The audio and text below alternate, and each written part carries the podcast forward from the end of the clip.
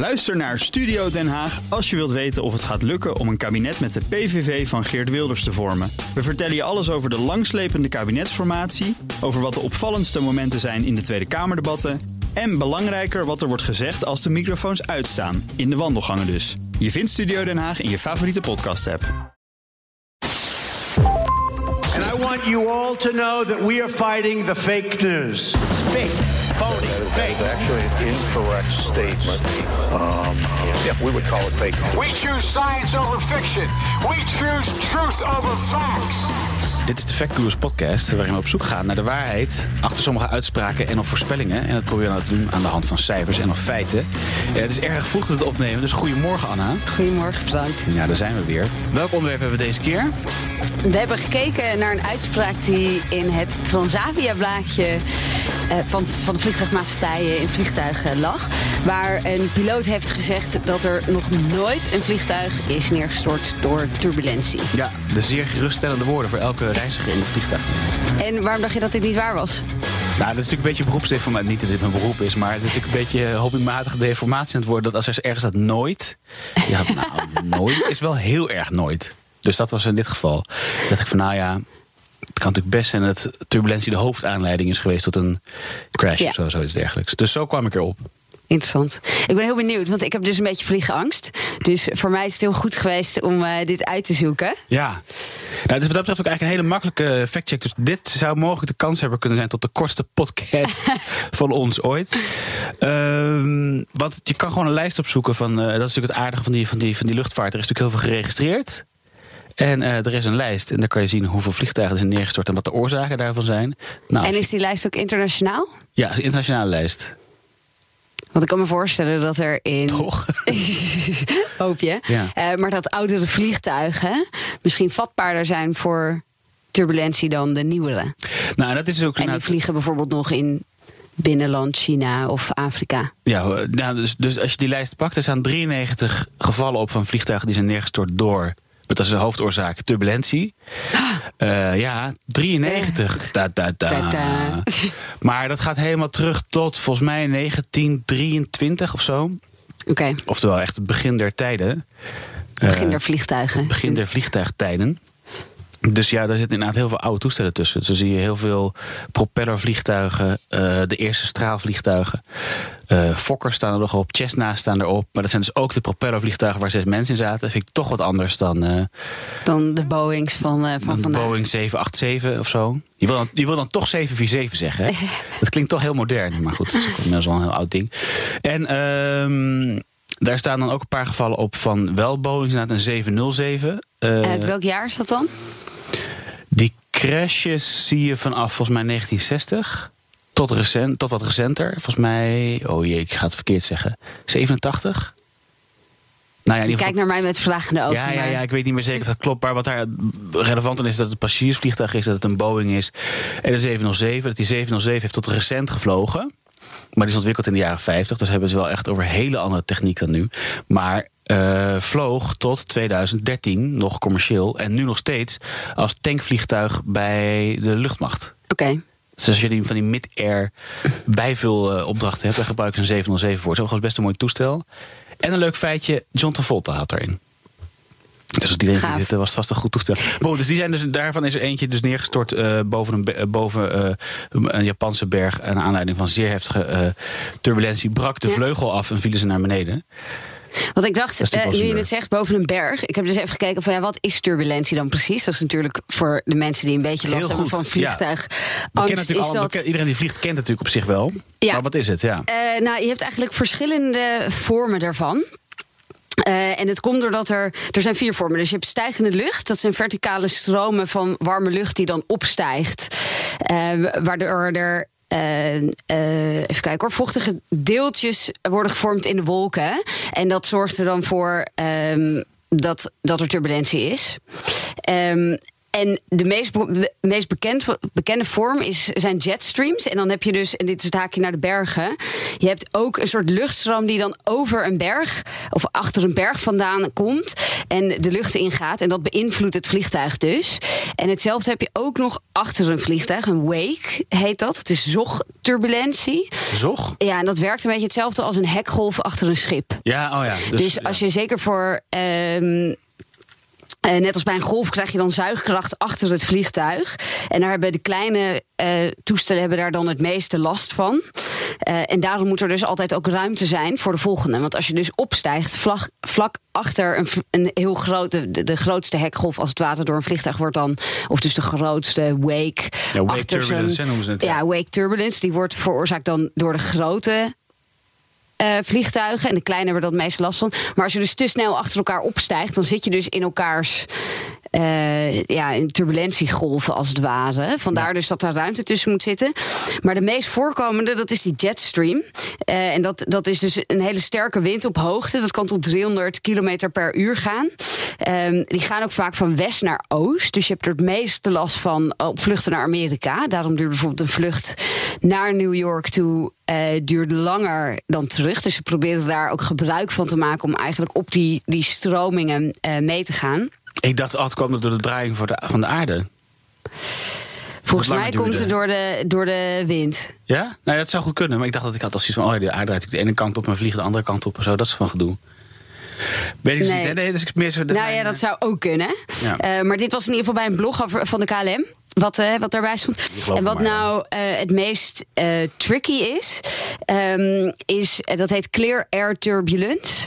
Ehm, en dat zijn dus die, eh, ja, die jetstreams eigenlijk. Ehm, moet ik het even goed zeggen, want dat is. Nee, dat is dus die stijgende lucht, maar heel hoog, maar die kan je niet zien. Dus eh, turbulentie kun je zien. Daar hebben ze ook allerlei radars voor en daar communiceren ze over. Maar je kan het visueel dus ook zien vanuit de cockpit.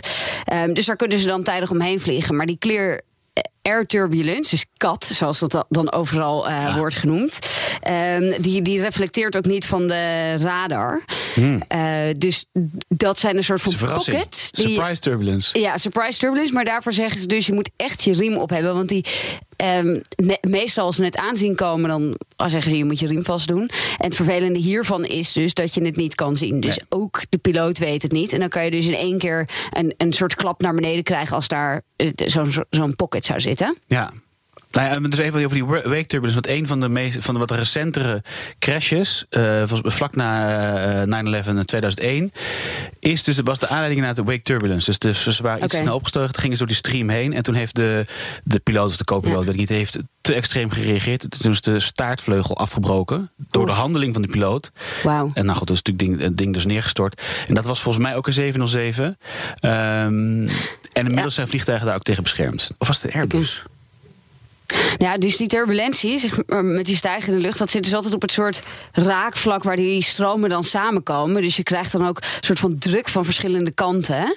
Eh, en wat je dus ziet is dat de vleugels van een vliegtuig ook een hoek van nou ja, bijna 90 graden kunnen maken om dat te kunnen weerstaan. Dus op het moment dat je uit het raam kijkt en je ziet de vleugel eh, ongeveer haak staan. Dan, eh, dan één hoef je geen zorgen te maken. Maar daar zijn ze op getest. Dat zijn ook hele coole plaatjes eh, om te zien. Want je denkt echt, nou, dit, dit kan niet. Maar die blijven het dus wel buigen echt gewoon als een soort vogeltje helemaal omhoog. Ja, Het was de Airbus, ik net zei. Dus die van die wake turbulence die neergestort was een, eh, een Airbus eh, A300. In 2001. Oké. In JFK, New York. En dat kwam dus door overmatige correctie. Dus, kwam niet, ja, dus daar is al een beetje de vraag: kwam het nou de turbulentie? En dat was dus wake turbulence, omdat ze te snel achter het vliegtuig zaten. En toen niet hebben goed hebben gereageerd. En inmiddels is dat softwarematig begrensd. Niet dat die softwarematige begrenzingen nou nooit problemen opleveren, maar goed. Nee, maar ik heb wel eens in het vliegtuig gezeten. En ik, ik ben dus iemand die een beetje knijpt in de. Ja, hoe zeg je dat? De armleuning. En toen zat ik toevallig naast iemand die eh, bij ja, ergens in het leger had gezeten. Dus die stelde me gerust en die zei: Oh joh, weet je, dit soort vliegtuigen storten echt nooit meer neer. In de, in het leger nog wel, Ja. maar eh, passagiersvluchten niet. Nee. En vervolgens sprak ik ehm, eh, mensen van de bemanning. En wat zij zeiden is van, oh ja, maar er is best wel wat turbulentie. Dus waarschijnlijk gaat hij gewoon op de automatische piloot landen. En dat betekent dat je eigenlijk meer turbulentie ervaart, omdat het ehm, het vliegtuig zich automatisch corrigeert. Dus ze zei, ja, ga maar lekker voorin zitten, want daar heb je er minder last van, omdat die... die... Ga maar lekker voor in zitten, dat was de lege vlucht. Nee, nee, nee. Dus, maar ja, goed, als jij naar, naar de bemanning toe gaat en zegt dat jij een beetje vliegangst je hebt... zegt, ik ik eh, wil er eigenlijk nu uit. Nee, maar achterin ervaar je dus meer. Ik, ik ben ook wel eens achterin gezet. Van, oh ja, nee, er is nog een plek over, ga maar daar achterin zitten. En dan ervaar je dus heel veel turbulentie. Want dan voel je gewoon de, de, de, de teel, dus de. eh, God, hoe De dat nou? de staart. De staart voel je dan eh, trillen. Maar kijk je dan ook uit het raam, kijk de vleugel er al afvalt? Ik heb dus nog nooit zo'n vleugel omhoog zien gaan. Maar, dat lijkt, maar ik heb wel plaatjes ervan opgezocht. En het was wel dat ik dacht, oh, dat ziet er wel vet uit. Ja. Ehm, en het is wel goed natuurlijk om te weten dat... Het stelde me toen wel gerust dat ik dacht... oh ja, het is nu de, gewoon de automatische piloot en die corrigeert dat allemaal. En, eh, Ja, maar wat, eh, even kijken, wat, eh, van die 787, dus een soort van de, de recente Boeing, hebben ze uitgerekend van nou, wat kan die in de praktijk nou mogelijk, wat kan daar mogelijke piekbelasting zijn? ja. En die vleugels zijn dan bereik- berekend op zeg maar 150 procent. Dus dat verhaal waar je het over had van die vleugels ja? die je zo ziet buigen. 90 graden, maar de Nou, 105... het is geen 90 graden, hè, maar het is. Oké, ja, ongeveer. Nou ja, ze Ja, gaan in plaats van ze ze- zeg maar een beetje zo, een beetje zo droevig hangen, staan ze echt heel blij zeg maar, eh, omhoog. En dan pas boven 150 procent ergens zit een keer een breukpunt. Dus dat eh, is dus meer dan de helft van wat ze verwachten dat hij ooit mogelijk in zijn hele leven tegen zou kunnen komen. Dus dat is wel. eh, Maar goed, dus, ja, dus, eh, maar, de, maar toch zijn er heel veel gewonden hè, bij eh, turbulentie. Ja, want wat er dus wel gebeurt, en dit is natuurlijk altijd... please be careful when opening the overhead Ja. luggage. Nou, ja, dat schijnt dus best wel vaak te gebeuren. En dus mensen die hun riem niet om hebben gedaan. En op het moment dat er dat. De piloot kan dus de turbulentie aanzien komen. Daarom zeggen ze altijd: joh, doe je riemen vast. Ja. Omdat je dus in één keer naar beneden kan schieten. en dus zo uit je stoel. Ja. Dan moet ik even. Eventjes opzoeken, want dat had ik ook opgeschreven hoeveel mensen dat dan precies waren. Oh ja, wacht, ik heb het hier. Dus van, nee, dit is in de US. Dus de Federal Aviation Administration geeft aan dat er ongeveer 58 gewond raken per jaar. Dat is dan boven de 30.000 eh, feet. Ehm, maar dat is van 800 miljoen mensen die per jaar reizen. Ja, en dat waren En dus twee mensen die, derde die, die daarvan- met een vliegtuig maar, een stukje naar beneden gingen en toen met een kop tegen het dak zaten. Ja, en Ja. twee derde daarvan eh, zijn mensen die dus geen riemen om hebben. Oh, Of eh, een flight attendant zijn. Die hebben natuurlijk sowieso geen riem om. ja. En eh, voor mij was het drie doden sinds 1980, hè? Dus mensen, en, en daarvan was volgens mij één iemand in een oude toestel waar ze nog van die echte tv's hadden hangen. En volgens mij was de turbulentie zo heftig dat die tv was afgebroken en op die persoon zijn hoofd gevallen. en daardoor had hij het dus niet, uiteindelijk niet overleefd. Maar goed, dat is, dat is- ja, dat is wat- tegenwoordig natuurlijk geen issue meer, maar goed, het is wel knap lullig. Maar dus dat is eh op inderdaad dat je zegt 800 miljoen eh, passagiers Ja. is dat natuurlijk niks. En eh, had jij nog Want staan hoeveel, hoeveel mensen er gewond raken door een val- vallende koffer? Nee, dat niet. 4500 gewonden door vallende koffers per jaar. Gewoon na landing. Dus Na land- oh ja, oké, dus als je geland, de bak open- De overhead bin doe je open en dan plaf, koffer op je hoofd. Daar dus aan de hand daarvan gewonden 4500 per jaar. Dus dat is vele, dat is vele wel- malen hoger. Ja. Je kan je afvragen of dat nou echt een goed systeem is dat je, dat, dat je de bagage boven je hoofd hebt. Maar goed, je kan het bijna nergens anders kwijt. Nee, dus krijg je heel onander soort... Nee, dat wordt niks. Nee. Sowieso ben ik Maar- tegen handbagage, hè? maar goed. Waar ik verder, eh, wat ik, waar ik ook nog achter kwam, is dat de kosten aan beschadiging en vertraging door turbulentie, dat die wel 500 miljoen per jaar is over de hele industrie. Dus dat is best wel veel. En er zijn dus ook bedrijven die aan het kijken zijn of ze door middel van technologie toch een soort systeem kunnen ontwikkelen dat je dus beter eh, die clear air turbulence kan detecteren. Oh ja. Maar vervolgens, eh, toen ik doorklikte op die bronnen, toen kreeg ik een 404 eh, pagina. Dus Oh. ik heb nog even verder gezocht. En ehm, toen vond ik inderdaad wel dat daar dus ehm, partijen mee bezig zijn. Dus er stond een artikel van de National Geographic. Eh, waar ze zeiden dat ze eigenlijk op basis van algoritmes, omdat het dus ook heel lastig schijnt te zijn als je turbulentie hebt gehad, als een piloot dat dan moet aangeven, Ja. dan ben je alweer zoveel verder. Dus ze kunnen Precies, dat waar niet was, goed. waar was dat? Ja, ja, een stukje terug. Ja, precies. Ja. Ehm, dus, dus dat is best wel lastig aan te geven. Maar tegenwoordig heb je natuurlijk een heleboel sensoren. Dus ze hebben een test gedaan met volgens mij duizend eh, sensoren op eh, commerciële vluchten.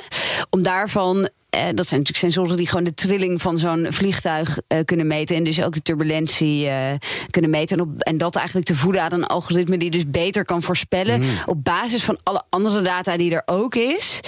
Ehm, of er ergens dan turbulentie. Maar ja, dat is natuurlijk een beetje toekomstmuziek. Want voordat zoiets een keer naar commerciële luchtvaart het haalt... en dat Transavia en Lufthansa dat allemaal in gaan voeren... ben je natuurlijk 10, 15 jaar verder. Voordat Ja. je een keer een sensortje op... Maar goed, als het. Als het het dus dit was echt. Dit Ja. was eh, eh, dus wel echt iemand zeg maar, die in die industrie zit als researcher. Dat is dus blijkbaar ook een 500 heel apart vakgebied. Ja, precies. is dat Het veel? is- Dat vraag ik me eigenlijk af. Want het is natuurlijk zoveel om, die gasten. hè? ja, nou ja, als jij moet investeren, als jij 500 miljoen moet investeren in één jaar en je haalt het er ook uit. Ja, maar het voor de hele maar- sector. Dus ja, het precies. Maar je over- kan het met een aantal doen. Ja. Want het is natuurlijk een soort van common problem. Ja. Maar goed, de vraag is hoeveel het kost om zoiets te bouwen. En weet je, als je zo'n model hebt gebouwd, hoef je het alleen maar data te voeren. Ja, dat eigenlijk. Ja. Dus dat zou wel makkelijker zijn. Wat ik verder ook nog vond, en dit was een goede, goede tip. ehm, dat voor de mensen die vliegangst hebben. eh, als je, dit was van een, een, een veteranenpiloot van 40 jaar. Die zei: je moet dan je naam eh, gaan schrijven op een stuk papier met je verkeerde hand. Want dat zorgt ervoor dat je eh, aan, aan de andere kant van je brein bezig bent Oh. dan waar die angst zit. En dan ben je zo geconcentreerd op, het probeer, op je naam proberen te schrijven met in mijn geval dan je linkerhand. Dat, eh, het, ja, dat je geen last van eh, de angst rondom het vliegen zou een leuke hebben. tip. Ja, dat Schrijf ook je, wel dat, schrijf je dat op het En- kotzakje. Dan kan je meteen door als het eventueel toch mis eh, gaat. En het was. hij zei ook, ehm, het helpt om, of dat was een andere bron, het helpt om meer te weten hoe het werkt. Dus dat die turbulentie gewoon ehm, eh, ja, verschillen in de luchtdruk eh, Ja. zijn. Eh, en voorin te zitten, want daar heb je dus minder last maar eh, daar heb je van die vaak geen controle over. Nee, nou ja, je kan tegenwoordig natuurlijk best wel vaak aangeven waar je wil zitten. Ja, als je een beetje op tijd bent en zo. Ja. Ja. Maar als je echt de vliegangst hebt, ik heb het maar een heel klein beetje hoor, maar als je er echt last van hebt, dan, dan, kan, je dat, dan kan je daar rekening mee houden. Ja, inderdaad. Maar goed, dus om eventjes maar onze fijne conclusie toe te werken. Klopt het? Klopt de uitspraak? Er is nog nooit een crash geweest veroorzaakt door turbulentie. Nee, niet nooit. Niet nooit, hè? Nee.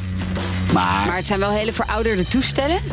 Dus in, eh, in de laatste 30 jaar ja, is er geen, geen neergestort vliegtuig meer geweest door turbulentie. turbulentie, waarbij inderdaad spontaan iets afbrak. En dat is, valt ook niet meer te verwachten als je bedenkt hoe sterk dat materiaal allemaal is geworden.